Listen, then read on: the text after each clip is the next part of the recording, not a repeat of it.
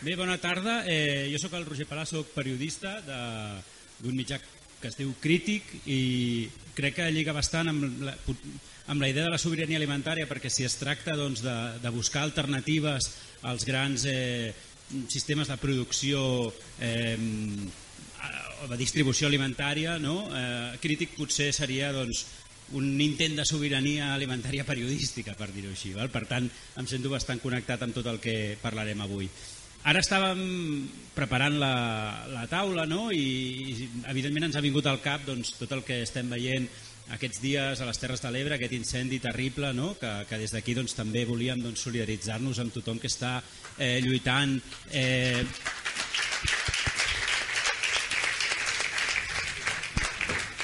I, i una mica la idea de vegades els mitjans de comunicació quan, quan eh, tracten aquest tipus de temes no? que ho fan d'una manera molt espectacular veiem les imatges del foc, de la lluita dels bombers no? però si rasquem una mica més enllà d'això hi ha una frase que, que ha dit la, la Pebbles, no? la Pebbles no? que, que ara en podrem parlar que és aquesta idea de que tots som una mica piròmens no? perquè realment aquests incendis no passen perquè sí, passen perquè hi ha un model de gestió territorial molt concret que no té en compte eh, moltes vegades doncs, que és la realitat eh, del territori, la gestió eh, que s'ha fet històricament eh, sobre aquest i tot això està molt relacionat doncs, per exemple, en temes que, que parlarem avui com són la, la propietat de la terra, eh, la gestió que es fa doncs, eh, de, de la ramaderia i moltes altres coses. Vivim en un model de consum que, incentivat pel sistema capitalista, busca la màxima producció i màxims beneficis i té impactes ambientals, socials i culturals molt forts. No? envelliment poblacional, destrucció del paisatge, eh, l'expulsió de camperols i avui volíem preguntar-nos una mica quin paper juguem nosaltres en tot això i també quin paper juguen les grans multinacionals. Eh, el món rural està lligat especialment a l'agricultura i l'alimentació eh, i avui volem parlar doncs, d'agroecologia, d'aquest concepte de sobirania alimentària com a una eina no? eh, que busca eh, articular alternatives a aquest sistema capitalista. Sabem que tenim un sistema que no funciona, que genera desigualtats, que genera destrucció i el que també sabem és que hi ha molta gent arreu del món fent petites coses, això ens ho podrà explicar el Gustavo, no? per intentar eh, canviar, no? i que molta gent petita en molts llocs fent petites coses poden canviar realment la, la realitat. Amb qui parlarem avui de tot això? Doncs us explico, us presento una mica la gent que tenim aquí. Em, aquí al meu costat tinc la Marina Puigcorbé, que és pagesa i és eh, presidenta de l'Associació de Producte Local del Ripollès. Val? Aquí tenim el Gustavo Duc. El Gustavo Duc eh, és veterinari, però no exercent, sinó que és periodista, és director de la revista Sobirania Alimentària. Val? Més eh, a la dreta del Gustavo, eh, no a la dreta ideològica, hi ha el Juanjo Valdivia, que el Juanjo és eh, eh, membre del Sindicat d'Obreros del Campo i del SAT i també de Via Campesina, ens podrà explicar molt l'experiència Andalusia eh, de la lluita doncs, contra, contra el latifundisme, contra els grans propietaris, per la reforma agrària Eh, també és avui tot un luxe poder comptar amb el Franco Hernán Gómez, que des de Colòmbia, ell és eh, membre de l'associació eh, Camparola o l'associació campesina del Valle de Cimitarra, que també podrà explicar-nos doncs, tota l'experiència eh, dels camperols colombians en la seva lluita. I eh, al final de tot tenim a la Pebbles Jiménez, que és eh, pastora, eh, ramadera i membre del col·lectiu de dones pastores i ramaderes, ramaderes públiques. Um, jo volia començar, començarem llançant una petita pregunta a, a tots, eh, perquè mm, per trencar una mica el gel, després fem una mica de debat i al final podem obrir una mica eh, torn de paraules i idees i fer una mica d'assemblea. No? El, el Gustavo, no? Eh, o sigui, hi ha dues coses. No? La, la meva pregunta inicial anava pel tema de la sobirania alimentària, no? perquè a Catalunya el 60% del menjar que ens emportem a la boca és Em, i m'agradaria que m'expliqués una mica eh, si pot avançar-se realment cap a aquesta idea de sobirania alimentària. Però al mateix temps també m'agradaria que m'ho lligués una mica amb tot el tema dels incendis, amb tot el tema de la gestió eh, del territori no? i com això també importa o té conseqüències a l'hora de poder assolir aquesta sobirania alimentària. Molt bé. Val, moltes gràcies, bones tardes, bones i fresques tardes. Eh, Mira, Roger, uh, per parlar del concepte o per explicar què és la sobirania alimentària tenim el Juanjo. El Juanjo representa la via campesina que és l'entitat, el moviment social que va definir el concepte, per tant li deixaré amb ell la, la definició. A mi m'agrada posar exemples i m'agrada molt parlar d'un d'un amic meu i de molts que estem aquí que es diu Jeromos Pastor és pastor com la Pebbles ell és pastor d'ovelles a Palència i li criden a, a donar moltes xerrades com ara aquí. I ell quan fa una xerrada en un lloc ben visible de, de la sala col·loca un rètol que diu vendo corderos i posa el seu número de telèfon. Per, aviam si té algun, alguna comanda. Però quan, quan posa vendo corderos posa vendo amb B alta mm? i ho fa conscientment i ell fa tota la xerrada tan tranquil·lament amb el vendo amb la seva falta ortogràfica ben visible. I quan acaba la xerrada dona les gràcies al públic i els hi diu que, que moltes gràcies. Muchas gracias por no poner a este viejo pastor en ridículo que sabe menos que ustedes de literatura, de informàtica, de ortografia, de matemàtiques, però aleshores els hi torna una pregunta que jo vull tornar també avui a, al públic i és, de acuerdo, yo me he equivocado, pero ¿quién de ustedes sabe criar un cordero? Eh? Al final, quan parlem de sobirania alimentària, parlem d'un país que vol defensar o no vol defensar a la seva pagesia. Així és de fàcil.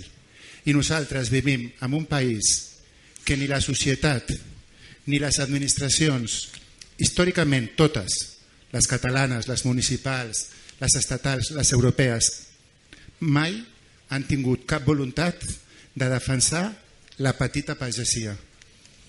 I tindrem molt bones explicacions de la Pebbles, de la, de la Marina, de com de difícil és fer de pagès a casa nostra quan els recursos van cap a les grans multinacionals o cap al aceite de palma que importamos para la bollería industrial, que Franco nos lo explicará porque viene de, viene de Colombia. I al final, què passa quan un país no recolza la seva pagesia? Mireu, avui, a casa nostra, gent censada con el carnet de pagès o, o, o ramader o agricultor o agricultora, hi han 25.000 persones. De 7 milions de persones i pico que estem a Catalunya, només 25.000 fan de pagès.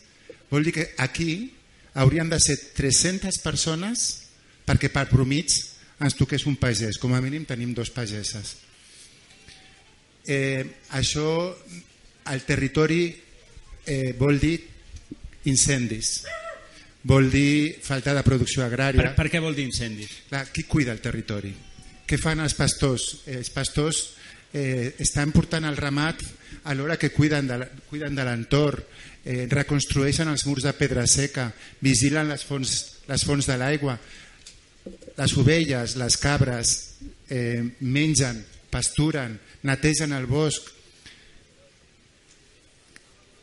eliminen excrements que fertilitzen la terra, que donen, que donen vida, que ajuden a refredar el planeta. Bé, si de cas no voldria parlar molt, molta més estona, però sense pastors, sense pastores, el territori és, és, és una, una, una cerilla, un misto.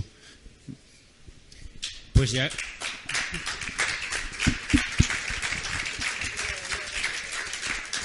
Pues ja que tenim a la Pebbles aquí, no? potser estaria bé que, que ens expliqués... Eh, jo li volia preguntar doncs, eh, com és això de ser pastora en ple segle XXI, no? i també que m'expliqués una mica quina era la seva relació com a ramadera, com a eh, ramadera al marge de la llei, una mica de vegades, no? eh, que ens expliqués, eh, això ho dic jo, eh, de ramadera al marge de la llei, però que ens expliqués una mica com era la seva relació també pues, amb la gran indústria càrnica, no? amb aquesta gran indústria agroalimentària. No? Eh, però potser primer m'agradaria que, que desenvolupés una mica aquesta idea que, que ha llançat el Gustavo, no? de que sense pastores eh, el, els boscos són un misto, no? Eh, sense bueno, pastores no hi ha revolució. Bueno, mmm, moltes gràcies per haver-me convidat. Eh, primer de tot dir-vos que jo estic acostumada a estar enmig dels trossos, enmig de les muntanyes, amb un públic de quatre potes i que tot els sembla bé. Llavors, mm, disculpeu-me si, si em quedo en blanc, si si tinc algun lapsus lingüe, però, però bueno, ja agafaré el fil i, i ja està. Bueno, us convido a tots a que vingueu amb mi a pasturar les cabres i llavors serà tot molt més fluid, això us ho asseguro jo. Um, Esperem que no sigui a 39 graus, diguem-ne, la pastura. no, no, a la sombra no. Mira, aquest vol vindre. Bueno, um, bueno començo pel, pel tema dels incendis, clar, és que uh, les ramaderes tenim un, un dels nostres lemes és sense pastores no hi ha revolució, però és que la revolució precisament és, mm, és fer canvis. Uh, sortir aquí a davant de tots vosaltres i, i aprendre d'aquest moment per, per, per, per poder-vos explicar eh, què és ser pastor al segle XXI. Clar, jo em trobo, surto a pasturar i em trobo als boscos que és que no puc ni passar. No podem ni passar. Mm, és tot un misto. Un munt de... Això m'ha fet una mica, però un munt de cartutxos de, dels caçadors i no, no dic que siguin dolents perquè tot, tota la natura tant animals, els animals que, que cuidem com l'entorn on vivim, el paisatge, les persones eh, el cel i la terra els aliments que mengem tot, tot va en, en un cicle que tot influeix sobre si llavors mm, jo sóc nascuda a la ciutat soc nascuda a Igualada, eh, em vaig crear a la ciutat i amb 12-13 anys els meus pares ens, em, em van portar un tros de terreno, un tros de 4 hectàrees i mitja, a les Garrigues, allà al secà, que no ens passa ni el canal de ni el canal d'Urgell, i, i allà vaig, vaig poder veure el, o, o comparar vivencialment què era viure en una ciutat i tindre, fer així i tindre aigua i després girar una mica la maneta i tindre la calenta i, i, i, i bueno, com a exemple i després al mig del tros no, no tindré dir, bueno, doncs m'he d'espavilar amb, amb els recursos que, que, que tinc a mà, sigui reciclant, sigui, uh, sigui el que sigui.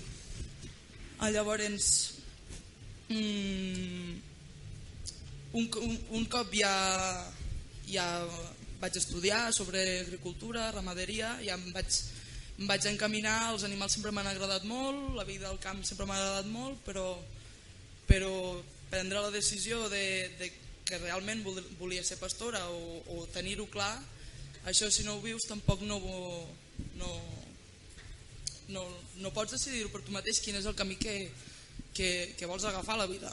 I, i un cop t'hi trobes, jo per exemple, doncs, per ser dona, molts pastors a mi no em veuen capaç ni d'agafar una ovella, ni de pujar una muntanya escarpada, ni, ni de seguir el ritme de les ovelles, de les cabres o, o de manejar una, una vaca.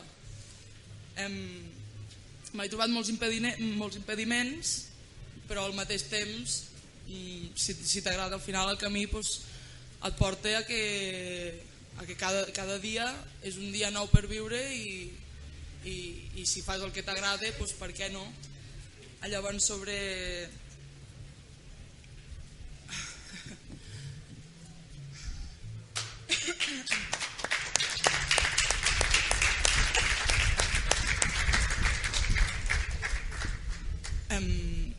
a casa nostra, jo visc en un poble que es diu l'Espluga Calva, a les Garrigues, i tinc un ramat de... Bueno, no sé ben bé si el tinc jo o em tenen elles a mi, perquè tinc, eh, tinc un ramat de 8 cabres i de 8 ovelles, dels quals tinc, obtinc carn per casa i per, i per compartir amb, amb, amb la gent del meu voltant. Eh, faig formatges, bueno, tinc carn de corder, de cabrit, faig formatges, Uh, a part també tenim fruiters, tenim oliveres per fer-nos de l'oli i, i ametllers.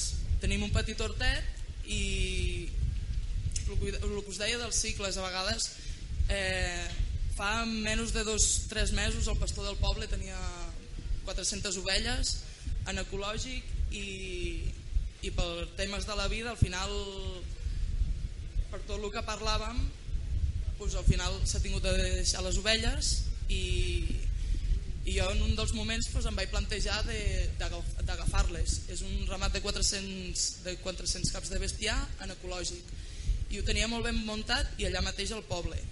Però què passa? Si jo tinc 400 caps de bestiar, m'he de dedicar a 400 caps de bestiar les 12, 13, 15 hores del dia.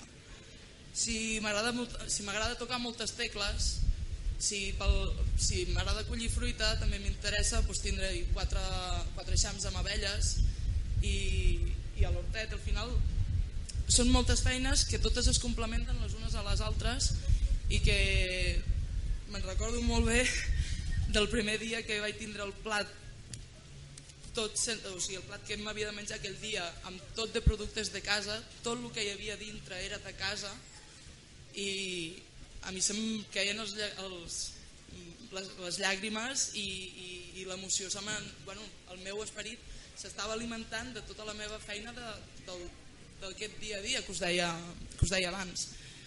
Llavors al final també vaig estar l'època de, de tra quan treballes, te'n vas a treballar, treballes a 15 hores per guanyar un sou, després te'n vas al supermercat i compres i dius, bueno, però és que què compro? Tinc tantes coses per triar, és que t'ho fiquen tan fàcil que és que com, com, com et fiques a triar? Tan... Tots ho sabeu, costa molt de guanyar els calés. I a l'hora de gastar-te'ls mmm, també s'ha de tindre una mica de vista a veure cap a on van aquests diners, aquesta energia que tu has dedicat en aquestes hores de, de feina que has dedicat en, en, en treballar per aquesta altra persona, cap a on van destinades, què hi ha darrere de cada producte, què hi ha darrere de cada enciam, de cada hamburguesa, de cada hamburguesa vegetal o de cada amanida, de cada serpat d'arròs de la paella. Llavors, hem, bueno, només quedaus una mica amb el concepte de, de que tot, tot, tots estem en un cicle molt, molt, molt immens, molt infinit, però molt estret alhora. Que està bé això que diu la, la Pebbles, no? perquè eh, jo volia...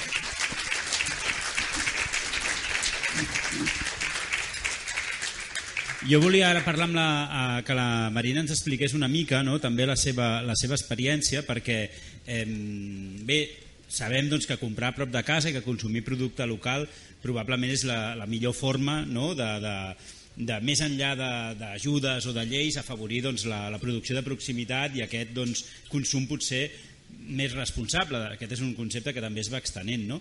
Em, quina creus que és la, o sigui, la nostra responsabilitat com a consumidors no? a l'hora de triar el producte, a l'hora de triar allà on comprem? No?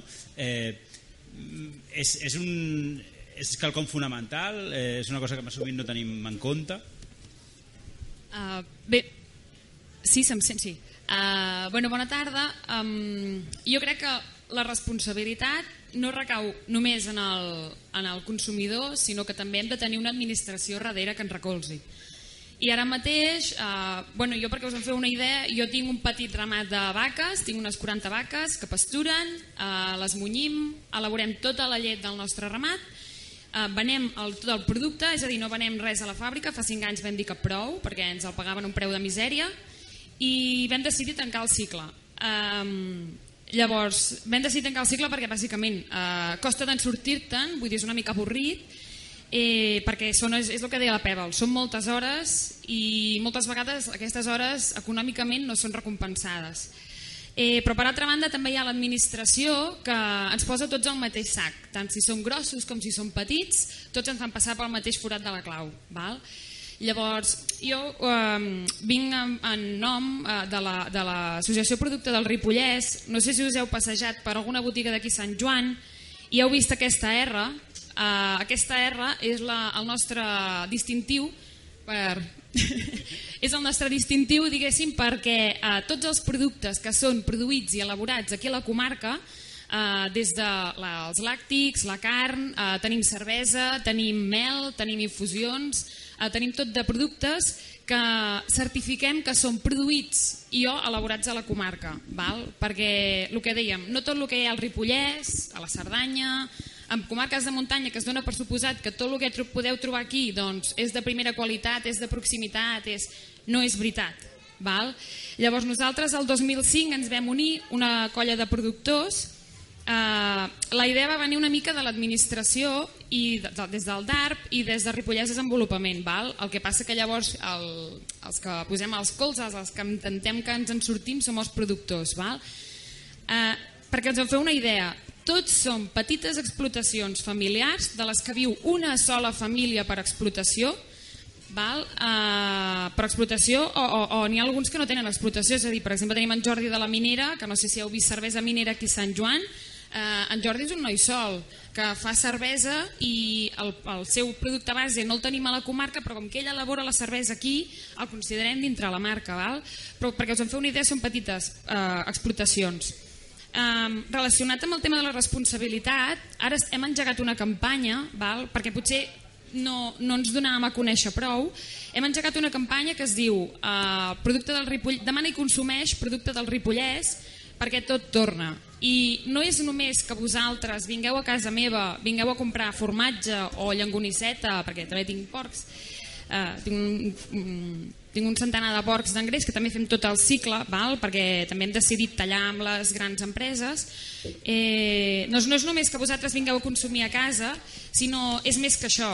Si vosaltres veniu a comprar el producte amb un productor petit, aquest productor petit, per filosofia, el que serà farà, el que serà el que farà perdó, serà gastar el que ell hagi guanyat amb algú de la comarca. Si se m'espatlla el tractor, jo vaig amb el mecànic que tinc al costat. No me n'aniré a la comarca o del costat, per què? Perquè vull que aquell senyor que hi ha allà que m'està arreglant el tractor, a l'hora de comprar un formatge o un iogurt, pensi en mi, o pensi en el productor del costat. O si se'n volen a buscar un bistec de vedella, pensi en Maspinós, aquí a Vallfogona, que també tenen vedella. Val? És a dir, que tots els diners que es puguin fer es quedin a la comarca. Per què? Doncs perquè tenim una comarca del Ripollès que està super despoblada i és una comarca molt envellida, que cada vegada tot el jovent marxa. Per tant, des de la nostra associació el que intentem fer és donar una oportunitat a la mesura que podem, perquè us estic dient que l'administració tampoc no ho posa del tot fàcil, eh, doncs recolzar, proposar activitats, eh, col·laborar amb tot el que puguem aquí a la comarca per tal de que surtin explotacions, i no m'agrada dir explotacions perquè, com us he dit, som cases de pagès petites que el que no fem és explotar, no tenim grans ramats, no estan estabulats, els veureu a la muntanya, els veureu pasturant, val? i som nosaltres mateixos els que, els que controlem tot el cicle. Eh, doncs volem acabar a, a, podem garantir una mica el, el, la, la continuïtat del jovent que es vol dedicar al sector ramader, al sector agrícola, però que es quedin a la comarca. Bé.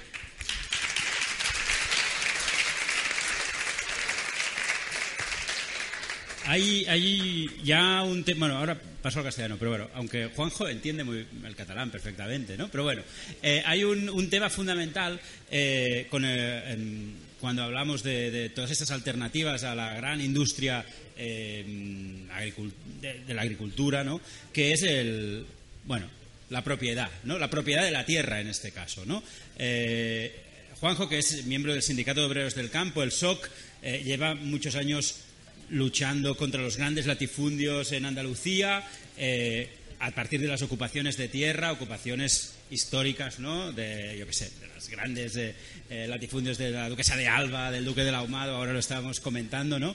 Y a mí me gustaría que, Juanjo pues, nos explicara también un poco estas luchas, ¿no? Y la importancia que tiene eh, la propiedad de la tierra eh, para articular pues alternativas a esta gran industria o esta gran a los grandes latifundios capitalistas, ¿no?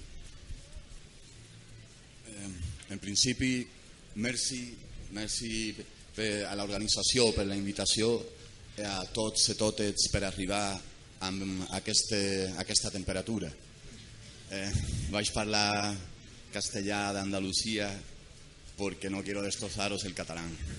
Es malísimo y me tengo que esforzar más para aprender. Gracias. Merci, merci. Bueno, pues la, el, el, acceso a la tierra y la propiedad de la tierra, nosotros la reivindicamos como pública siempre. Y cuando ocupamos una finca e intentan vendernosla a un precio. El, el, micro. Sí, intentan vendernosla a un precio simbólico, ahí no aceptamos. Hasta que ya nos lo estamos planteando porque no nos queda más salida, no, no nos están dando otra opción. Pero con todo y con eso hay un debate interno dentro del sindicato y todavía no está claro si vamos a aceptar el, el- un precio simbólico para Somonte, por ejemplo, que es la, que, la última que estamos peleando, eh, aparte de Cerro Libertad. Somonte, llevamos siete años allí, está en Écija, que es la sartén de Europa, ahora una tierra difícil de trabajar, son 432 hectáreas de secano, con solamente cuatro hectáreas de, agua para, para riego, para hortícola, ¿no? Y ahí se están, se están haciendo desde siempre experimentos de permacultura, eh, estamos haciendo ahora caldos de cultivo con microbacterias de la, la finca colindante, de lo, el purín de los animales, y como se ha comprobado que tenían todas están un poco contaminadas por, por tanto, tanto pesticida y tanto, tanto veneno que se le echa al campo, que hemos tenido que cogerlas de la montaña también para darle más fuerza a las que ya están en, zona plana, ¿no? Ahí están limpias todavía de ese tipo de polución. Y esa se, se ocupa el 4 de, de mayo de 2012 y tenemos otra que también es muy interesante, que, que está en Jaén a dos kilómetros en línea recta, sería cinco kilómetros en coche, que ya no es una ocupación de emergencia como esta de Somonte que se iba a vender, es tierra pública, que la Junta de Andalucía, después de, de todo el saqueo y toda la corrupción que ha salido, pues la forma que tenía de regenerar dinero, de conseguir dinero, era vendiendo lo público, que enlaza con la pregunta, ¿no? Estamos en contra, no, no, la queremos, no la, si nos la ofrecen, como no sea eh, la gestión, queremos la gestión durante 25 años, igual que Marina Leda, la finca del Humoso. Y, y esta pues había sido embargada por el BBVA a un empresario, tiene 75 hectáreas, más pequeña, pero sin embargo tiene 7.000 olivos, que llevaban 5 años abandonados. Solamente los recogía una familia de, de raza gitana y, luego, después de que, bueno, cuando conseguimos llegar a un trato con el BBVA, porque nos echó la Guardia Civil, y bueno, pues la volvemos a recuperar. En Somonte no hemos estado nunca más de ocho horas fuera. Ahora sí, ahora llevamos como una semana, pero porque nos estamos planteando el, a- llevarlo a cabo. De hecho, hubo una reunión el martes pasado de Mari García y es una de las compañeras del sindicato que es parlamentaria, jornalera. También tenemos a Libertad Jiménez, pero Libertad es abogada, y a Pastori Filigrana, que también es abogada y gitana. Y bueno, digo lo gitana porque le damos mucha importancia a las minorías étnicas para, eh, para luchar por ellas también, porque Andalucía no se entiende sin un cúmulo de, civilizaciones, eh, la mayoría desarrolladas allí, otras venidas de fuera también. Eh, claro, este banco, al tenerla cinco años en abandono, estaba limpia. Limpia porque no se ha trabajado la tierra, ya se podría dar como ecológica si fuera legal. Fue legal el, el recoger todo lo que se había eh, podado luego y se había arreglado incluso el, cortijo. Nos denuncian por daños a la propiedad, por podar un, un olivo, daño a la, a la propiedad y por levantar unas ruinas de un cortijo, lo mismo, ¿no? Claro, eso no llegó a ningún sitio. Además, no le convenía al BBVA la, la publicidad que le íbamos a dar, la, la mala propaganda que iban a obtener de esto.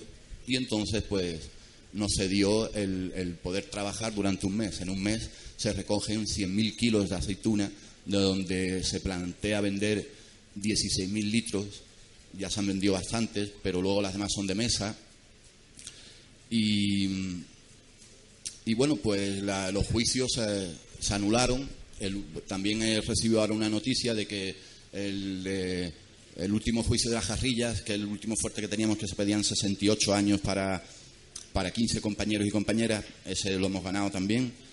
Y últimamente parece que estamos en racha, vamos ganándole a la administración juicio. ¿Cuánto- ¿Cuántos juicios habéis tenido eh, históricamente o, en los, o si no en los últimos años? Eh, la última vez que, que- que- que lo datamos fue hace dos años.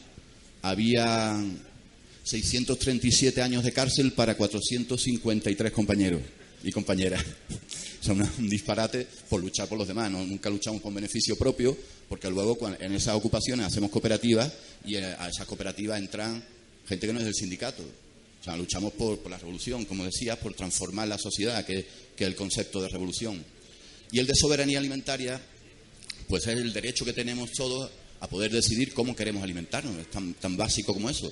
pero ya no solo como consumidores, para, para que nos podamos alimentar tiene que haber unos productores que, que tengan ese derecho. Y también con el acaparamiento de tierras es imposible. Hay una empresa norteamericana, el, el Kernel Group, que en Ucrania, con la, con la agencia ucraniana de la agricultura, ha, hecho un, un negocio que lo ha cerrado en Luxemburgo y ha conseguido eh, comprar, acaparar tanta tierra que ahora tiene ya con la que tiene en otros, en otros países el máximo acaparador que hay en Europa. Tiene 700.000 hectáreas en manos de un solo grupo inversor. Y todo esto además supervisado por la Agencia Antimonopolio de Ucrania. Comp- compran los estados, compran nuestros votos a través de, de los políticos. La única forma que tenemos de luchar contra ellos es la organización desde la base, kilómetro cero y también kilómetro cero político que hablamos antes en la mesa, del excedente, llevarlo lo más cercano posible, pero siempre donde haya una afinidad política, donde se respeten los derechos de trabajadores y trabajadoras, donde se cultive de manera sostenible o al menos se, se viva de manera sostenible. Entonces sí, ahí es donde enviamos ese, ese excedente, ese kilómetro cero político.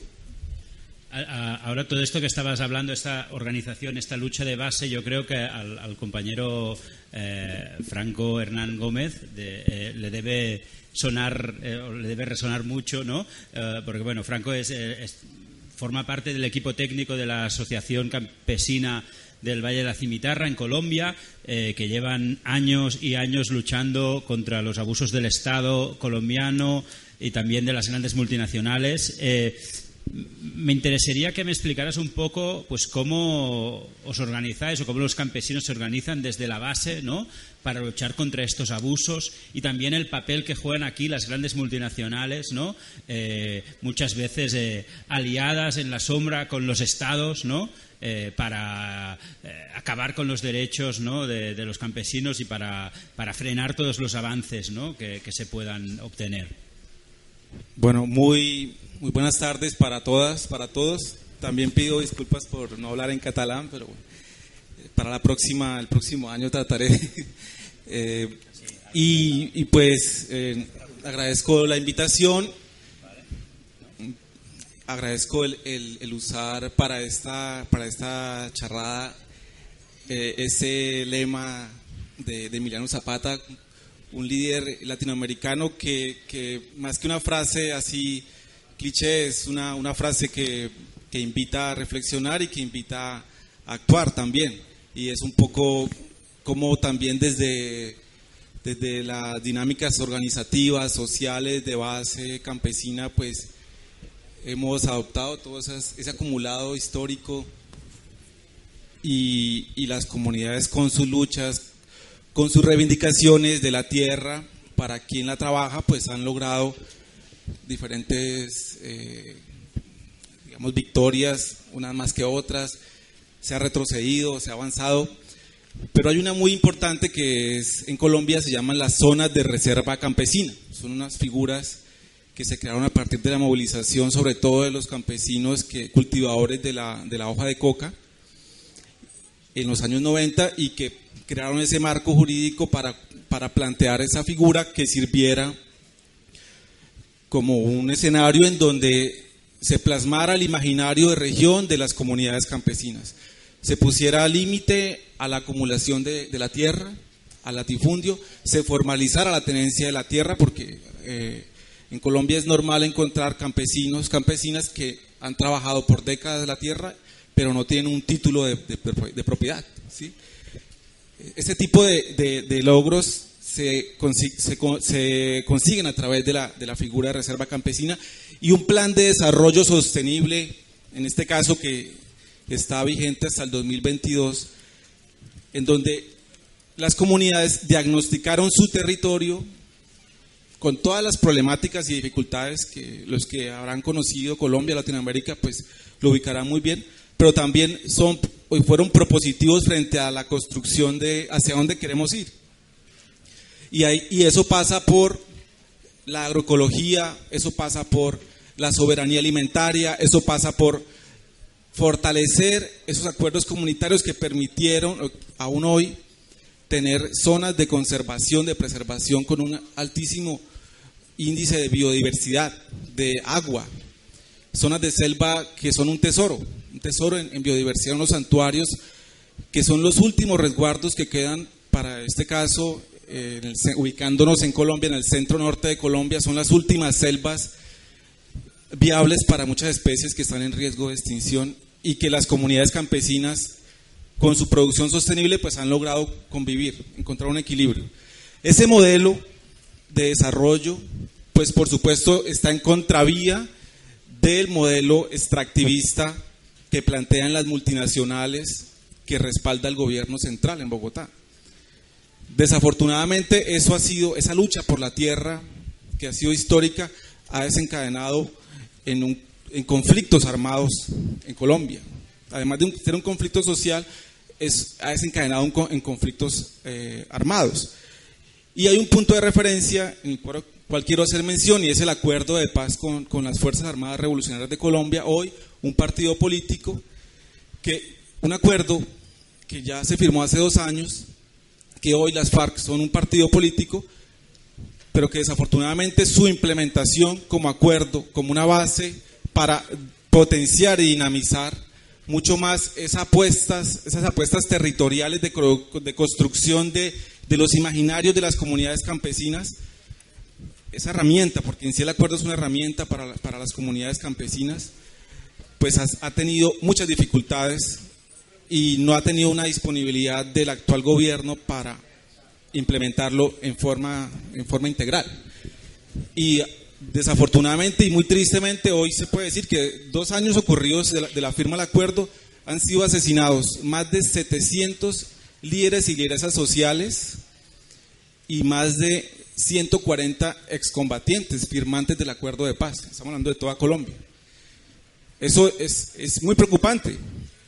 Y mi invitación es que en, este, en, esta, en esta charla y en este compartir, es que reflexionemos frente a, la importancia de ese acuerdo de paz para posibilitar ese modelo de desarrollo sostenible, integral, de, de base comunitaria y que ha sido y que ha sido lo que en estos dos años, con lo poco que se ha implementado, el gran impulso para pasar no solamente de una producción o de una economía de guerra, de supervivencia de las comunidades campesinas, sino ya empezar a proyectar eh, las producciones de arroz orgánico, de gua- aguacate, de, eh, eh, de especies, especies, aceites esenciales, de cacao, de lácteos, no solamente, de cárnicos, no solamente para el consumo y garantizar la soberanía y la seguridad alimentaria, sino para eh, los excedentes, comercializarlos y empezar a dinamizar una economía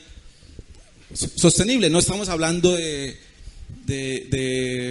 comunismo, socialismo, pero sí por lo menos un paso a paso que permita y que haya permitido poco a poco garantizar esos cambios estructurales que requiere la sociedad colombiana y que son los pilares de que exista un conflicto social armado.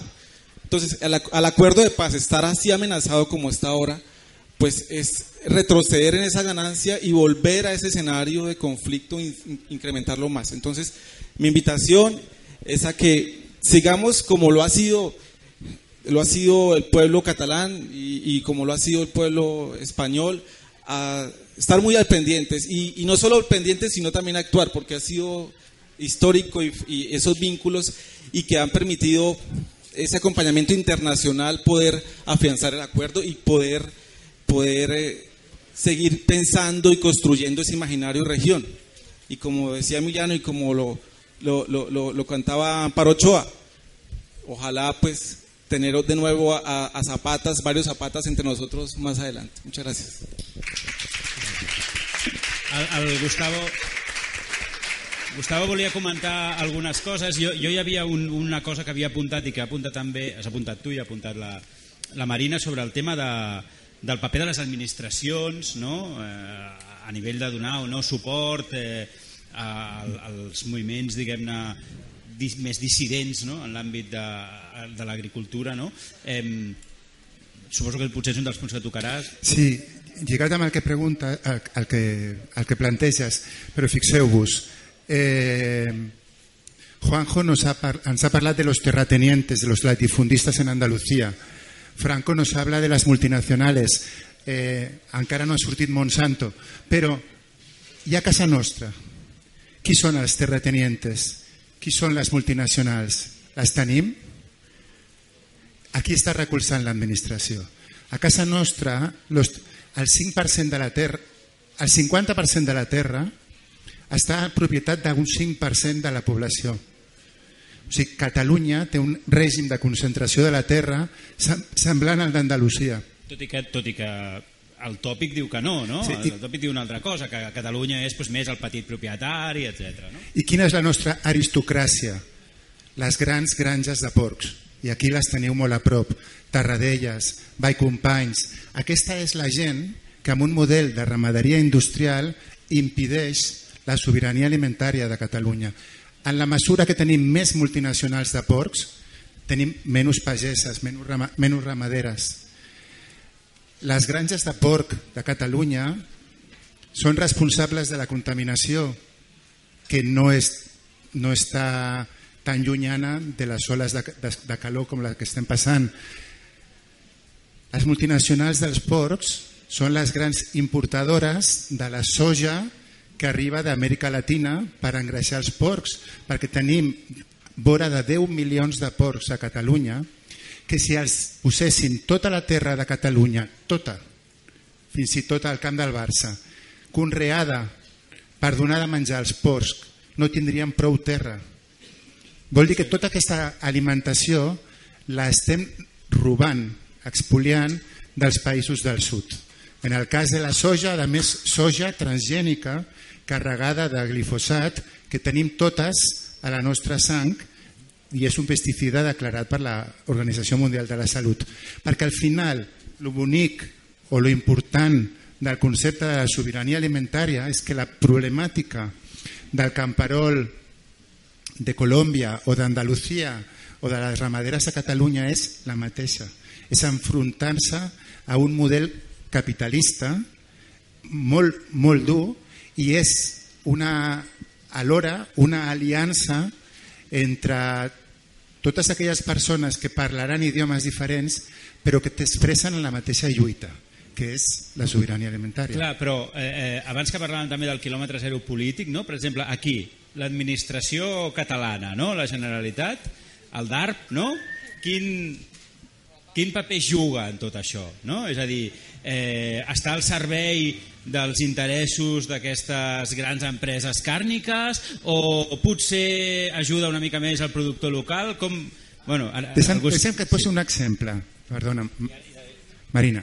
Mira, l'altre dia l'administració catalana es va juntar al, Palau, al Parlament per posar en marxa el nou Pla Nacional d'Agricultura de Catalunya en perspectiva de sobirania alimentària. Això era el, el, el títol. Eh, tothom va parlar de la pagesia, però les tres persones convidades a, a pujar a la taula, com ara nosaltres, eren dos grans cuiners, una gran cuinera i un nutròleg. De què parlen de la pagesia si no els hi donem ni la veu? I jo sóc el primer que, que l'acabo de treure la veu. No, no, no, no. Això és el reflexe de, de les- de l'administració catalana. Jo, perquè us en feu una idea, um, vinculat amb el porc, sinó amb la llet, aquí a la comarca del Ripollès, abans la majoria de les cases de pagès vivien de la llet. La, la llet va treure de la misèria a les cases de pagès, eh, és a dir, totes aquestes vaques que veieu brunes, grises a les muntanyes, era el que hi havia doncs, a mitjan del segle, de, de, del segle XX. Llavors, eh, què va fer molta gent? Eh, com que van veure que les vaques de llet el que feien era... Eh, eh, el preu de la llet era, era un preu raonable, molta gent va canviar aquestes vaques grises, les vaques brunes, per vaques frisones i moltes cases de pagès van poder prosperar. Val? Fins que es centra la comunitat econòmica europea i què passa? Que comença a entrar llet de fora. Uh, en aquest moment comença a baixar en picat el preu de la llet i què ens passa a molts dels petits productors? Doncs que resulta que nosaltres o tanquem el cicle i ens fem nosaltres mateixos la venda del nostre producte o no podem anar a competir amb granges de 500, 600, 700 vaques. Perquè us en feu una idea, Les meves vaques produeixen, eh, pasturen i mengen ferratge, val? que és el que feien els meus avis. Produeixen una mitjana de 16 litres de llet. Val? Una granja d'alta producció on les vaques són manipulades genèticament perquè portin molta més llet, se'n van a fer 30, 40, 50 litres de llet per vaca. Jo no puc anar a competir per preu amb aquesta gent. Per tant, o em busco la vida i a partir del meu producte que puc anar a vendre a les botigues, o jo tinc que plegar. Jo no tinc una extensió de terreny, que és el que comentàvem. Jo no tinc, eh, eh, jo el que tinc és muntanya, tinc unes vaques molt rústiques que poden anar a pasturar a la muntanya, però jo no tinc una gran extensió per fer una supergranja de vaques. I què fa l'administració?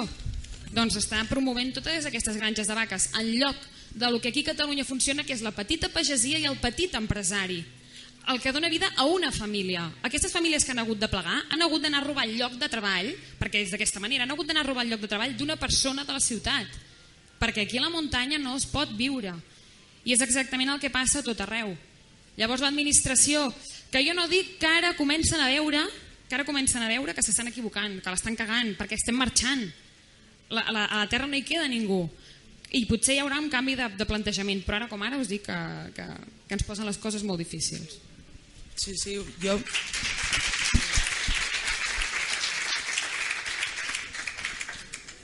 Mm, amb el tema de l'administració, per exemple, jo tinc 26 anys recent complerts i podria accedir amb, amb unes ajudes, amb unes subvencions, però què passa? Que és que per què existeixen aquestes subvencions i aquestes ajudes?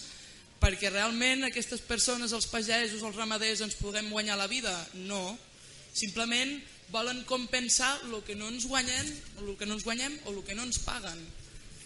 Mm, clar, totes les empreses lleteres, jo, el que diu ella, no podem competir a 0,25 cèntims al litro, perquè és que, és que si fem 100 litros que ens guanyem, misèria.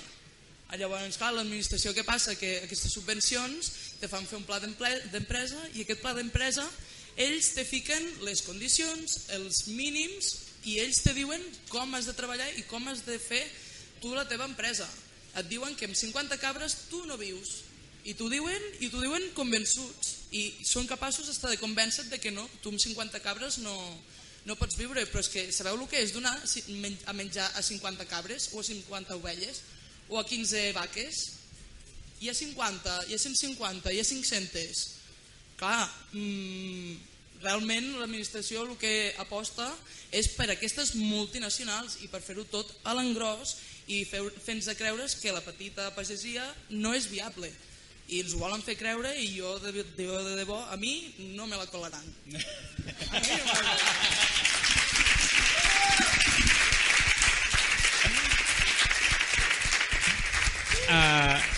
Igual, Juanjo, nos podría explicar también un poco más el modelo de cooperativas agrarias, ¿no? de cooperativismo en, Andalucía, ¿no? Eh, como una alternativa ¿no? A, todas estas grandes multinacionales. Aunque también tenemos experiencias de cooperativas agrarias en Cataluña y grandes cooperativas agrarias y no vamos a... Bueno, como, como Guisona, por ejemplo, ¿no? que no funcionan precisamente como cooperativas, ¿no? sino como grandes eh, multinacionales o como grandes empresas convencionales. ¿no? Bueno, como cooperativa tenéis una ejemplar que se llama la revista Soberanía Alimentaria. Tenemos aquí un buen representante de ella. Y sí quería comentar el, eh, antes eh, sobre, había, había hablado de la represión y tenemos un compañero que se llama Francisco Molero al que le echaron cinco años y un día y 16.000 965 euros de responsabilidad civil, porque rodeando el Parlamento en Madrid no era una acción del sindicato, pero es compañero y, por eso lo, hemos apoyado y demás y seguimos. ¿no? Pero claro, supuestamente defendiéndose de, de, la policía de ocupación, bueno, allí no es de ocupación, fue en Madrid, no en Andalucía, y le echaron una foto con una piedra en la mano. Pero esa piedra supuestamente dio en dos policías hizo carambola y por ahí lo, de los daños de, la responsabilidad civil. Cuando tienes una responsa responsabilidad, responsabilidad civil que no has podido pagar, nosotros tampoco aceptamos subvención, no, la tenemos, solamente las finalistas para cursos, para, para cualquier cosa, pero no para mantener el sindicato. y, no podemos hacerle frente a, este tipo de, de multas. Y, bueno, y detrás, periodo disculpa que nos faltó la T en Molero Libertad, lo quisimos poner en catalá también para que, que fuera in- para internacionalizar el caso, ¿no? para sacarlo fuera de las fronteras de Andalucía, que, que le haga más daño allí también a la administración y a los poderes fácticos andaluces. Y volviendo a la, a la pregunta que me hacías, la, la de las cooperativas nuestras, pues imagino, no conozco muy bien a fondo el tema del, del cooperativismo en Cataluña, pero deben de ser muy parecidas. Allí la del Humoso, que es la primera que, que conseguimos en el 91, se cumplieron 25 años hace tres años y estamos en un, en un bypass, a ver, a ver qué, qué es lo que nos propone la, la administración, pero comprar no se compra. No, es una trampa. Solamente se lo pensaron y ni siquiera hicieron mucha fuerza dos de los 400 cooperativistas. Entonces, las cooperativas en, en el Humoso tiene nueve secciones. Una de ellas es de embalaje. Intentamos, pues, bueno, estamos, allí sí se consigue cerrar el ciclo, el ciclo productivo en kilómetro cero. Y el excedente, pues siempre va, como hablamos antes, al kilómetro cero político. En el caso de- de- del humoso, durante dos años estuvimos mandando todo el aceite a Venezuela cuando estaba el comandante vivo, el comandante Hugo Chávez Frías. Y, y luego ya pues tuvimos trabas, se nos imposibilitó y no pudimos seguir mandando aceite allí. ¿no? Y bueno, El- perdón, sí, de, la- de las restantes se- secciones, porque no son nueve, em, funcionan como nueve cooperativas en una, pero en realidad no son nueve cooperativas, son sesiones de la cooperativa y que según eh, las semillas que haya o, o el- eh, lo que se decidan allí en la asamblea de, de Marinaleda, pues plantan un año un, un tipo de producto agrícola u otro, ¿no? Ara, jo, jo volia tocar un tema més amb la, amb la Pebbles i amb la, i amb la Marina i després, si voleu, obrim el, el, una mica de, de debat, no? però em, abans la Pebbles ho explicava, no? eh, que pel fet de ser dona i ramadera, dona i pastora, doncs es trobava amb una sèrie d'incomprensions, tòpics, eh, eh, comentaris, eh, impediments, etc. No? I m'agradaria que m'expliquéssiu una mica, no? que, que poséssiu com una mica d'accent de, de gènere en, en tot el que estem comentant, no? eh, si realment és així, no? si encara avui eh, segueix sent molt més complicat no? o segueix, seguiu trobant-vos doncs, amb, amb, amb tot tipus de traves no? pel fet de ser dones i pageses o dones i ramaderes. És molt difícil. I més en un món que és tot, molt, tot ple de mascles i que et veuen això, que ets una, ets una persona dèbil, ets una dona i ets dèbil. I jo a casa meva pues, tinc l'exemple del meu pare. El meu pare va ser ensenyat per la meva àvia, però no per això vol dir que eh, ella hagi après, no? Eh, Per què? Perquè tot el seu entorn són tot homes. I per tant, quan el meu pare ens va tenir a mi i a la meva germana, pues, quina decepció, no? Dues noies per portar una casa de pagès pues pels meus collons m'he quedat. Eh, sí, O jo pels collons, pels O pels, teus ovaris. O pels teus ovaris. No, pels meus ovaris. Ara, millor dit. ara, No, no. ara. Jo era mestra, vaig exercir 7 anys, però veia que, collons, que el que es perdia, no? Amb, amb, amb... Si els meus pares plegaven, la meva germana va fer, va fer veterinària i ella doncs, està exercint de, de, de veterinària, no? I qui sap, potser algun dia s'incorpora, però en el meu cas eh, jo vaig decidir deixar el magisteri eh, i, i, i incorporar-me a casa. No vaig fer la incorporació, és a dir, no vaig acceptar la subvenció que em donaven a, a, a, al, al departament perquè vaig pensar, "Em- t'obliguen a estar 5 anys a l'explotació. Jo vaig dir, i potser d'aquí dos anys he de tancar, perquè per culpa vostra, de l'administració, i m'esteu donant aquí 50.000 euros, que 50.000 euros no m'arriben en lloc, perquè l'hora de fer una inversió és, bueno, és descomunal, eh, i vaig dir, ja us els podeu confitar, eh, em feien, m'obligaven, com que no, no tenia formació, m'obligaven a fer molta formació, jo tinc una nena d'un any, se'm va acumular tot i vaig dir, aneu a la merda, perdó l'expressió, eh, però com que veig que aquí estem una mica en confiança, i els vaig rebutjar, val? i prefereixo cada dia anar-m'ho guanyant que no pas eh, haver de pensar que si d'aquí un any eh, no me'n surto, eh, he de tornar 50.000 euros.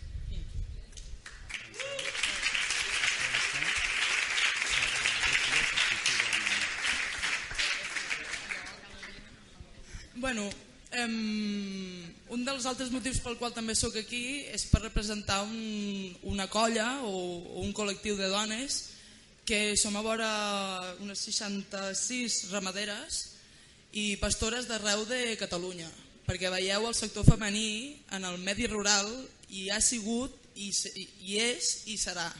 I sempre hi ha estat l'únic que un dels, nostres, un dels nostres lemes també és doblement invisibilitzades, o sigui, nosaltres sortim aquí davant i venim, venim aquí al Clownia i venim a, anem a d'altres puestos a fer xerrades perquè la gent ho sàpiga que hi han dones al camp, hi han dones mm, ramaderes, hi han treballadores que, que, temporeres que cullen la fruita, que venen d'arreu i, i agricultores, bueno, i llenyadores, que us en faríeu creus de, de la d'oficis i de dones que treballen al, al camp. A llavors, davant d'un món tan masclista com és el, el, el ramader, o almenys de cara al públic, clar, el que ens ha faltat sempre a les dones del món rural precisament és això, és el micro, perquè la veu la, veu la, la tenim. L'únic que no... La, el, el, el medi rural sempre s'ha explicat des de, des de les ciutats o des dels punts de vista o des del punt de vista de la gent que ve a visitar-nos. Llavors nosaltres també la gent de camp tenim, a vegades tenim tanta feina que és que el que menys pensem és en explicar i en divulgar i en, en, en agafar aquesta veu i explicar a la gent de quina manera pensem i de quina manera treballem doncs, les nostres terres, el nostre paisatge, com influïm en, en l'entorn. I llavors un, un bon dia jo eh, els pastors d'arreu de Catalunya, pastors i pastores, tenim un grup de WhatsApp i, i llavors eh, hi havia diverses noies en aquest grup d'homes i dones pastors i a part a, a Ganaderes en Red, arreu d'Espanya, de, també n'hi ha moltes de dones. A llavors, per certes històries, doncs, les, les, les de Ganaderes en Red, però que perteneixíem a Catalunya, perquè és que n'hi ha arreu, arreu d'Espanya, però les que, les que som de Catalunya vam, fer, vam voler ser una mica més, algunes, algunes sí que són a, a GER, i les altres vam voler ser una mica més independents i estar més a prop les unes de les altres, però aquí en el, en el, en el sector. Diguem. Llavors, per això som, el nostre nom és Ramaderes de Catalunya o ramaderes.cat i ens podeu seguir per les xarxes. Um, doncs la, anem penjant fotos, maneres de, de fer, de veure, llavors nosaltres volem donar a conèixer la nostra manera de treballar, però al mateix temps em, formar part d'aquest col·lectiu de dones i feministes i que, cada, i que treballen al camp, saber que cada dia som tantes les que ens llevem i ens anem al tros i ens anem a, a, a, fer, a, a carregar la motosserra o la forca i a plantar cebes i a plantar-nos els enciams, a collir els albercocs i fer les melmelades i fer la canpicada de corder per les mandonguilles i, i menjar-te-les barrejades amb les bledes del tros al mig de pasturant les cabres, és que us convidaria a tots. Us convidaria a tots.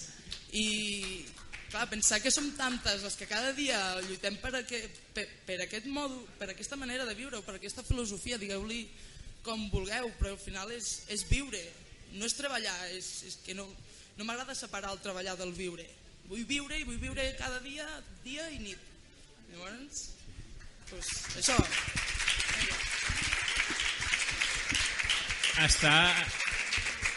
No, la idea aquesta de no separar el treballar i el viure, no? que és com molt eh, suggerent. No? A mi m'agrada molt escoltar les ramaderes i intento fer un exercici que vull compartir amb vosaltres. Eh, S'ha definit com a feminista, segur que la Marina també.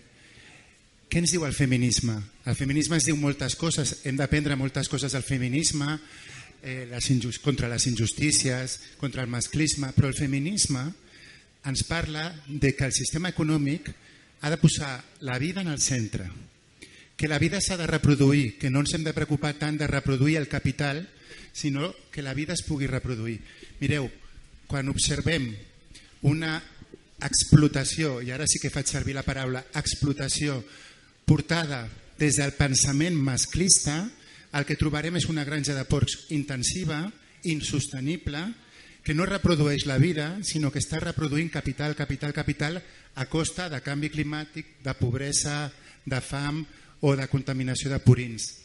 Quan veiem una granja o una finca portada des de la visió feminista, el que veiem són ramaderes que porten, les pastur porten les, els animals a pasturar, a menjar un aliment que les persones no podrien menjar, a que aquest aliment pugui arribar a les persones, a fertilitzar la terra, finalment tancar segles, com deien, i aleshores aquí el que veiem clarament és reproduir la vida. Eh, I acceptar la mort, també, perquè és, mort. Que, és que la vida i la mort mm, van juntes, van de la maneta, són les dues cares de la mateixa moneda. Llavors jo la mort també la intento acceptar i la, bueno, la palpo amb les meves mans el dia que tinc gana. Llavors mmm, també la veig com una manera, m'intento fer una mica amiga en el sentit de que mm, per, és molt maco veure néixer un cabridet, un corderet, un, un poltre, un, un vedell, però perquè uns vinguin, d'altres també han de marxar. Llavors també s'ha de deixar a una banda l'ego i de realment dir, bueno, igual que jo tinc tot el dret de passar per aquest, per aquest moment, doncs també tinc el, dret, tinc el, poder el deure de donar, donar pas a qualsevol altre. Juanjo, els que, els que venen. Sí, eh, referente a lo, de, a lo del feminismo también, en, toda la, en todas las reuniones que, que tenemos últimamente en Vía Campesina, en la Coordinación Europea de Vía Campesina, eh, sale el feminismo como punta de lanza y estratégicamente es una de las luchas, bueno, no solamente por la estrategia, sino porque no podemos transformar una sociedad sin igualdad y por supuesto nos, nos dejamos a la mitad de la sociedad si no luchamos por el feminismo. Y lo que dice del estilo de vida, lo estaba comentando también con unos compañeros cántabros que ha venido una delegación, lleva ya viniendo varios años apoyando el festival y, lo estábamos hablando ayer que, a todos, a, muchos nos pasa que cuando llegamos a casa, oye, ¿y, ¿y, cómo te vas y dejas el trabajo y te vas tres días? ¿O cómo, eh, cómo te levantas un domingo a las cinco de la mañana y te vas para una reunión donde vas a estar dos horas y son ocho de, ida y vuelta en coche? O, ¿O cómo te vas a una manifestación a que te peguen palos? No es ningún sacrificio, desde el punto de vista de ellos sí, desde el nuestro, eso es lo que te da energía, es la forma de vida, el poderte, poder vivir como quieres, o al menos luchar por vivir como quieres. Y eso no, no, lo tenemos solamente los que estamos aquí sentados. Sin ustedes no, no, no estaríamos aquí sentados. Por eso digo que os podéis animar también a, a seguir en, en, ese tipo de lucha, asociaros si no lo estáis. Y, y sí, eso era lo que quería comentar de, del feminismo y, y de, de, que es una lucha que tenemos, tenemos que seguir todos y todas.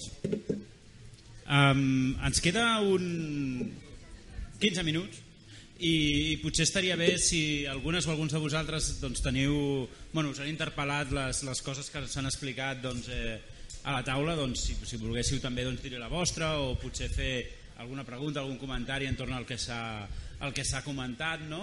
eh, l'Anna té un micro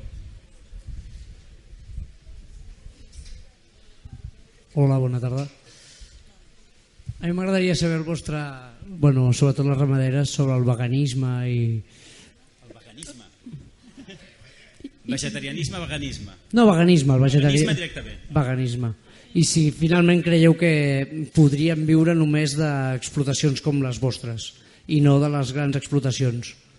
O sigui, si tothom tingués un consum responsable del, es podria, i les o sigui, si es podria arribar a aconseguir o, o com bé dit eh, no me'n recordo tot nom, perdona que hauríem de plantar tot el Camp Nou fins i tot el Camp Nou per poder alimentar o sigui, si es pot man si podrem menjar carn cada dia tots o no i sobre aquest tot això saps? Jo, jo sempre defenso que, que totes les masses piquen és a dir, que ara estem en un extrem de que s'ha industrialitzat, de que un animal es veu com una màquina. Val? Per tant, es pot reproduir, es pot reproduir més, pot produir més, per tant l'estem um, esclavitzant. Val?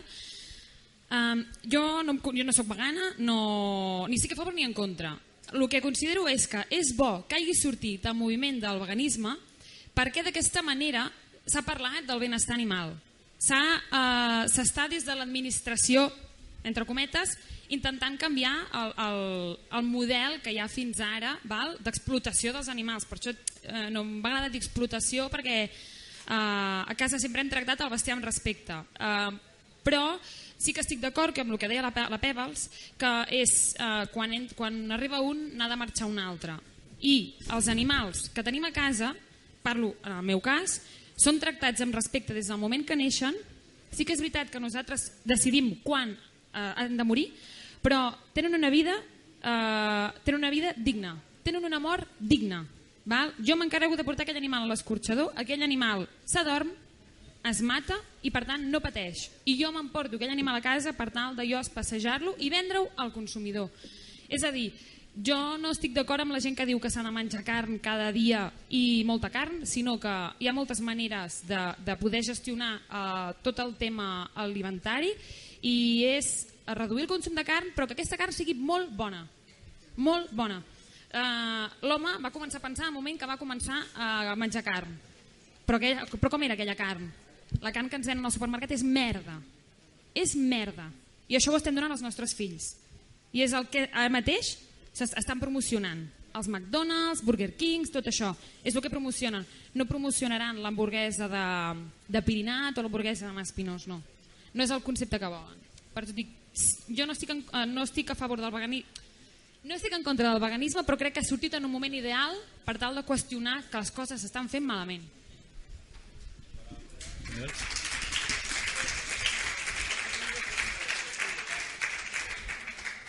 Uh, a veure a veure eh, tema veganisme. Jo l'altre dia em vaig fer unes hamburgueses de, de remolatge amb carbassó que se me saltaven les làgrimes igual que amb les hamburgueses de corder eh, què passa?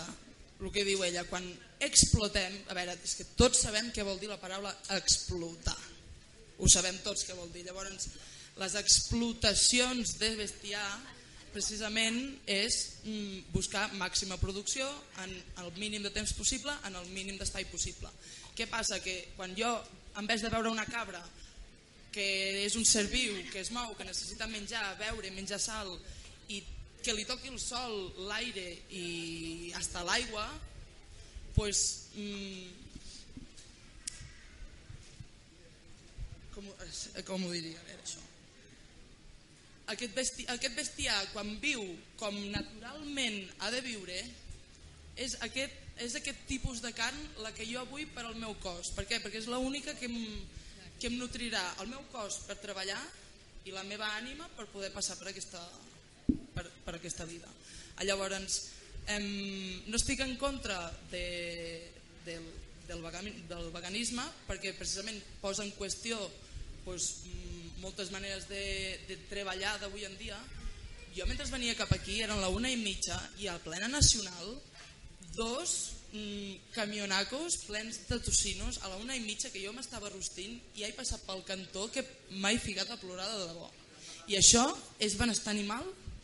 això és benestar animal mireu l'ideari de, les, de, l'ideari de les ramaderes primer de tot és el benestar animal Benestar animal, maneig extensiu o semiextensiu. Què vol dir semiextensiu extensiu? Pues que tinguin una vida ja no relaxada, sinó amb les condicions de vida que aquell animal ha de tindre. Llavors, no utilitzem ni herbicides ni insecticides i, i el nostre objectiu és crear productes pròxims, sincers i, i responsables. Clar, què passa? Què vol dir pròxim? que no faci més d'un quilòmetre per arribar al consumidor. Jo em penso que pròxim vol dir que jo et conec a tu, tu em coneixes a mi, eh, vens a digue-li explotació, digue-li el corral, vens al tros i t'ensenyo doncs, com treballo jo, el maneig, t'explico. Proximitat també vol dir pròxim de que, de que et conec, de que sé com treballes. No només proximitat de, de que no fa gaires quilòmetres i no contamina.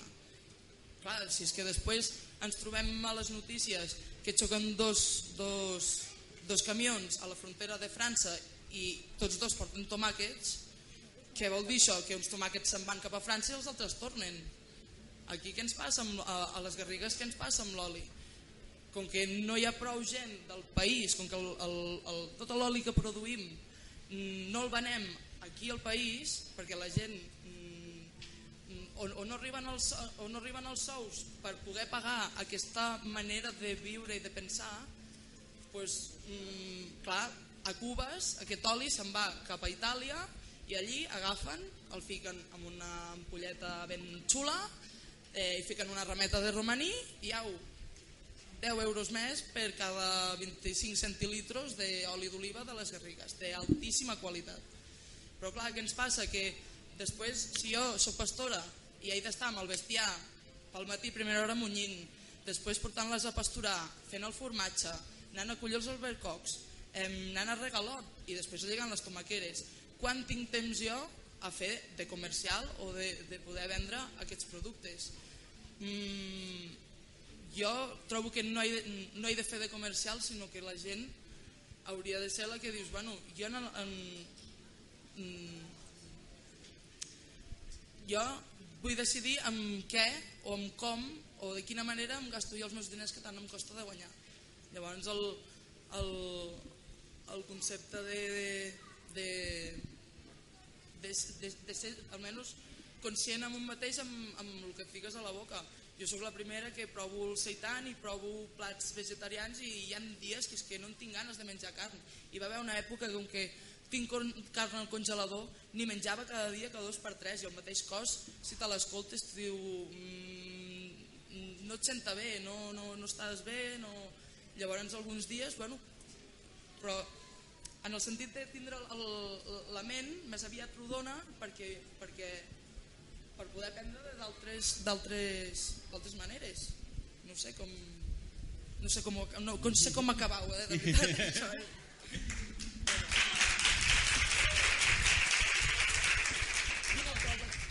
vine el tros amb les cabres i, i aprofundim.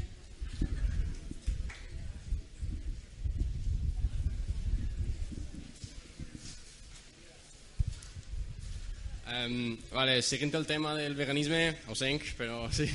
Um, volia preguntar... Bueno, jo durant 20 anys he, he format part del sistema de carnívor, vale?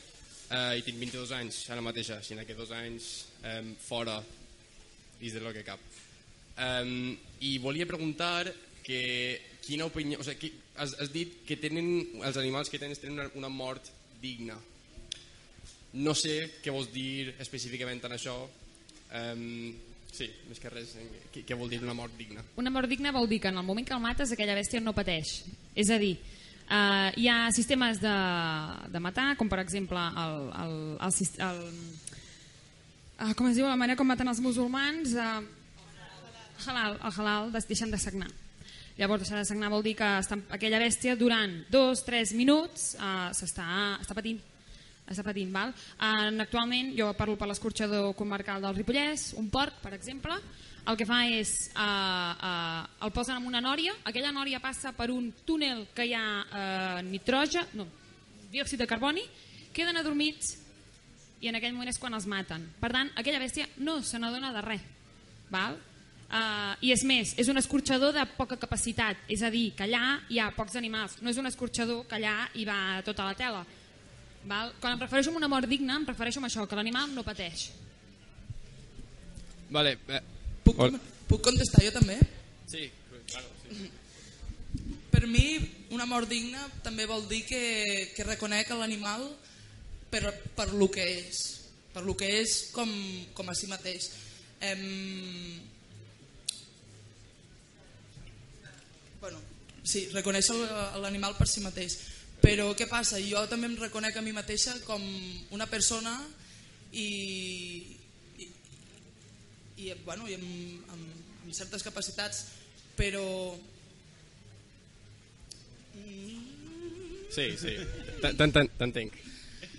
És que, a veure, és, és el, el, el tema és delicat. És un temazo. És un temazo, però, però bueno, digne per mi és eh, de la mateixa manera que jo li dono un, un, una, la, la millor vida que li puc oferir, diguem-ne, eh, al mateix temps ell me la torna. O sigui, jo intento eh, donar-li els millors aliments que puguem trobar a les pastures, portar-los els millors trossos, donar-li aquell, aquell moment de vida, aquells, aquells mesos de vida que té aquell animal que visqui plenament com a ser cabra, cavall, mm, ovella, el que sigui, sí. i després que ell també em deixi, que, que m'ajudi a ser jo un ser humà. No, no jo... sé... Ah. No sé eh, en el teu sistema, en la teva forma de vida, si és necessària consumir animals, ara, consumir animals per sobreviure, clar, en un país com els Estats Units o en, moltes, en Europa mateixa és la, un, un humà pot sobreviure si que vegà. No és necessari el consum d'un animal per a sobreviure, està, està científicament demostrat. I una vida... Els científics Ah, sí, bueno, Jo, jo, crec, jo crec que és una mica aviat, eh, també, per dir, perquè el tema veganisme com a tal és relativament bastant recent. S'ha parlat de vegetarianisme i el veganisme és bastant recent. Jo, per dir-te, una persona pot viure i que no tingui carències amb els anys, eh, o sigui, jo, eh, una verdura és una de les coses més sanes que et pots menjar, verdura, fruita, vale? Ara, el, el dèficit de proteïna animal a l'organisme jo crec que no ha passat prou de temps com per demostrar que... que... El, el veganisme... Eh, És la meva opinió, eh? És la meva No, opinió. sí, sí. Jo, em deixes que doni una dada perquè has parlat dels Estats Units. Eh, S'ha posat molt de moda el veganisme als Estats Units i com la població... Fixeu-vos que el problema és on estem vivint la gent. El problema és el problema inicial. Em preguntava el company, podem viure d'un model agrari de petita pagesia? Si la població agrària de Catalunya són 25.000 persones, no. El que hem de multiplicar són pagesos i pageses fent ramaderia o fent agricultura. Cal que no mai s'alimentarà una població quan el 99% no produïm. Són elles les que produeixen.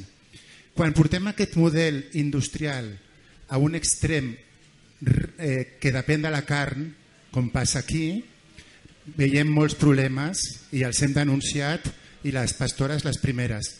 Quan portem aquest mateix model industrial eh, a l'escala del veganisme, als Estats Units, la dada que us volia donar, hi ha una moda molt forta amb el tema del veganisme i hi ha una empresa que es diu eh, Incredible Foods, eh, carne increïble Sí, la- l'hamburguesa, veritat? d'hamburgueses. Hi ha una demanda tan gran d'hamburgueses que fins i tot quan les mossegues sembla que tregui una miqueta de sang per recordar l'hamburguesa clàssica dels Estats Units, que les, les fan amb soja. Mm? Els, el director general d'aquesta empresa fa dos mesos va declarar que a partir d'ara per poder donar resposta a la alta demanda de veganisme que hi ha als Estats Units importarien soja transgènica d'Argentina. Sabeu què vol dir això? Èticament, sabeu què vol dir? Vol dir, vol dir milions i milions de terres acaparades, desplaçant a sers humans, desplaçant a la natura, desplaçant a éssers vius, per donar una resposta una altra vegada industrial a una problemàtica que l'hauríem d'abordar a petita escala. I, i eh, la, la, la ètica individual, molt respectable la teva i la d'elles, eh, no ha d'entrar mai en contradicció amb les ètiques, amb les ètiques globals. En recordeu-vos què li deia el zorro al principito. Has domesticado una rosa, pero eres responsable de la rosa.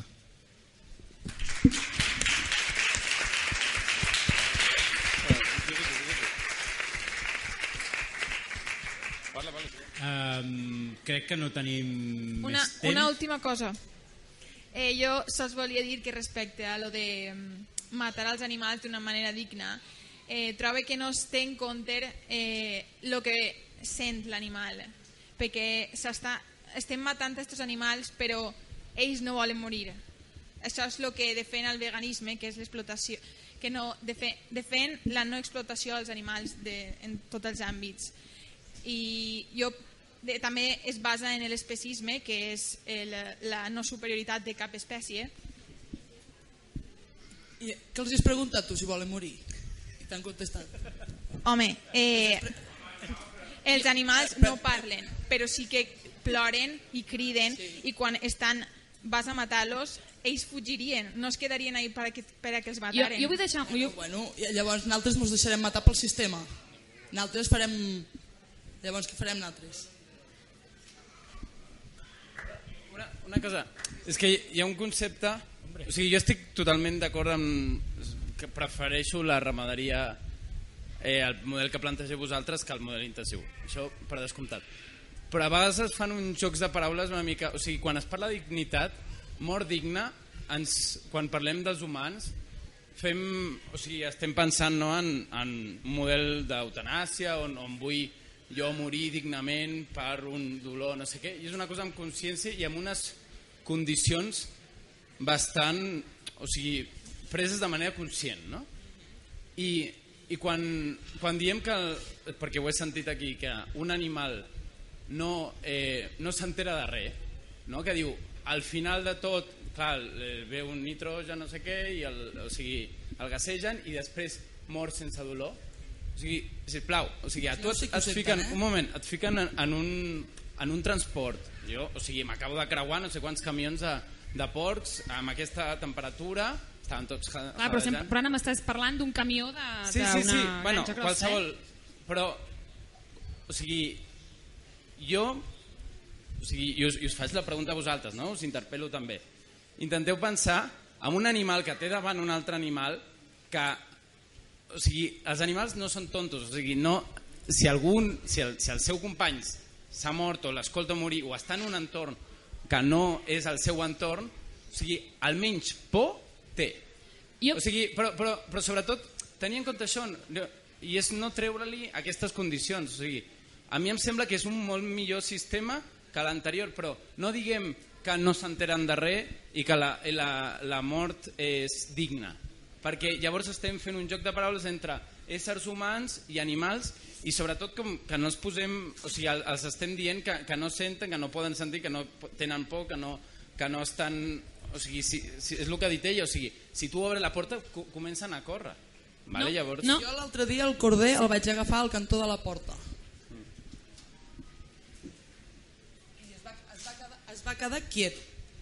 El vaig abraçar, li vaig agrair tot el que m'havia ensenyat, tot el que m'havia ensenyat des del dia que va néixer, em va ensenyar a com, a, a com es neix. Em va, em va ensenyar a que lo vital quan ets bebè és el calostre i la llet. M'ha ensenyat moltes coses aquest corder. Però saps que m'ha ensenyat també a que o tinc pena pel corder o tinc pena de mi mateixa.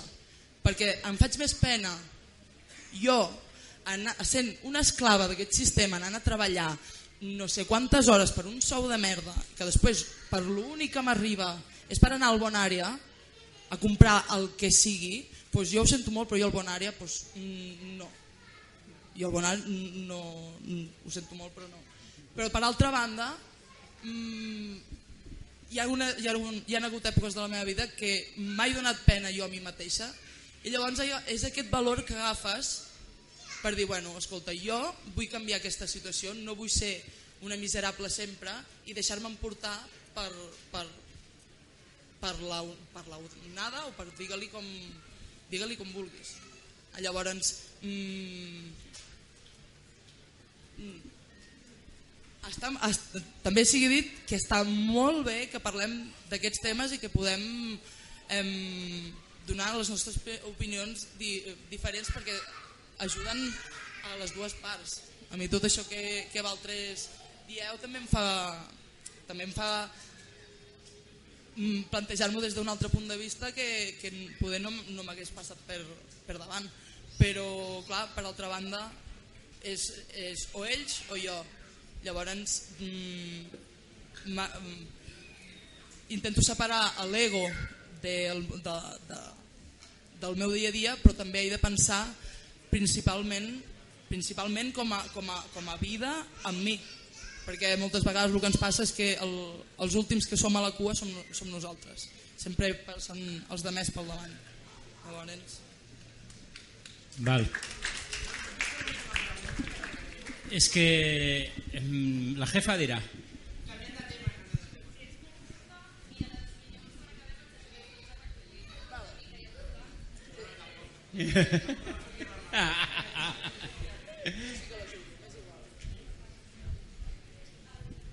És respecte a lo de l'odi de Palma que has dit al principi. I has, i has fet referència també a Colòmbia que l'altre dia a TV3 al 30 minuts van parlar sobre això. I llavors bueno, jo no en tenia ni idea i sempre pensava que consumint oli de palma o sigui, consumint alimentàriament era un gran problema ecològic en el món però després veient el problema aquell es veu que és un, és un tant per cent super ridícul i llavors lligat amb les administracions gràcies o per culpa de la Unió Europea a que hi hagi biocombustible una part proporcional, realment el, que, el problema del, de l'oli de palma no és uh, no és el sector alimentari sinó que és el, el transport, no? la gasolina i és per saber si...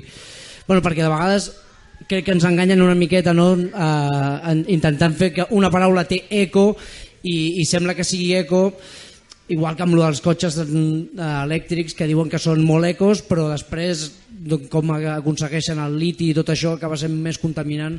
Llavors si, si el, ell, el nostre company el Franco es diu o tu o qui sigui té alguna... Franco complementa però eh, a, a Catalunya tres quartes parts. Tres quartes parts. De l'oli de palma que importem el dediquem als agrocombustibles i una altra quarta part a la indústria agroalimentària però una quarta part de tot l'oli de palma que importem són molts i molts boscos tallats, cremats, deforestats, per tant hem de treballar les dues línies, contra l'agrocombustible i també contra les empreses de la bolleria, de los cosméticos, de les no estava, pizzas. No, no les pizzas tarradellas que... porten oli de palma. No estava volent dir que, que consumíssim bolleria, eh? l'únic que estava intentant explicar que si algú no ho sabia que a mi em va, em va impactar realment que el problema el tenim en el, en el biocombustible que vol ser ecològic i, és tot el, i acaba sent tot el contrari. ¿no? Que...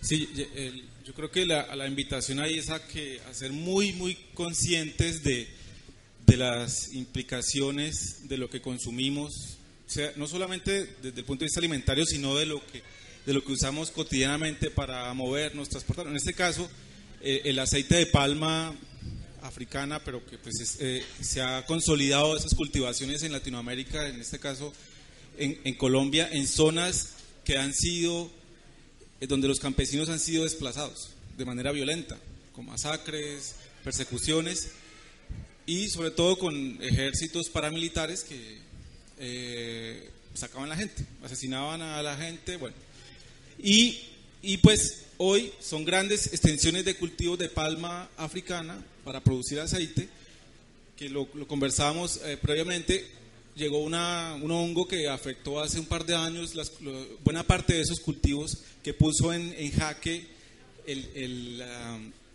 esa, esa, producción, pero que curiosamente la forma de, de salvar esa, lo poco que queda de producción fue a través de, de, incluirlo dentro de la figura de renovables para combinarlo con, con, gasolina, no solamente acá, también en Latinoamérica, en Colombia. Y eso pues es la invitación, a que analizar muy bien a fondo que realmente las cosas para ser críticos frente a la realidad. Sí, ya después cada quien en su individualidad, en su colectivo, en su organización, pues eh, eh, actuar. Pero sí es muy importante entender, entender esa dinámica por ejemplo, eh, el tema del aceite de palma, también se, yo conocí, eh, conocí una campaña de, digamos, de, de, freno frente a las implicaciones de, de, en la salud, ¿sí? porque se usa, se usa o se usaba sobre todo, sobre todo en el tema de salud en Europa, en el tema alimentario. Y eso ha frenado el consumo, más que el ser conscientes de que atrás de eso ha habido asesinatos, masacres, y me imagino que lo mismo en, en Asia, porque también son los principales productores allá, sobre todo allá, y eso es muy importante entenderlo y, y ser muy conscientes. Y ver cómo el proceso no queda solo ahí para poder tener una gran explotación, como sabéis, hay que deforestar y para, para deforestar hay que echar a, a, los pequeños ganaderos que viven en el bosque o que pastorean por el bosque. Por lo tanto, yo creo que no hay, no hay conflicto. Se puede ser vegetariano, yo lo soy desde hace 27 años, no di el salto al veganismo y se puede apoyar también las explotaciones familiares como hago desde el sindicato y no, no tengo conflicto interno en ese sentido. La, la, además, las la sociedades homogeneizadas, que no homogéneas naturalmente por naturaleza, las que son homogeneizadas aterran, ¿verdad? A mi m'agradaria acabar amb, un, amb una última frase. Um, segons la permacultura, cada un dels nostres actes hauríem de pensar no, no en nosaltres ni en els nostres fills ni en els fills dels nostres fills. Hauríem de pensar en, fins a la setena generació que venen darrere. Llavors, siguem tots molt conscients de cada un dels nostres actes i de cada una de les nostres vivències. Gràcies.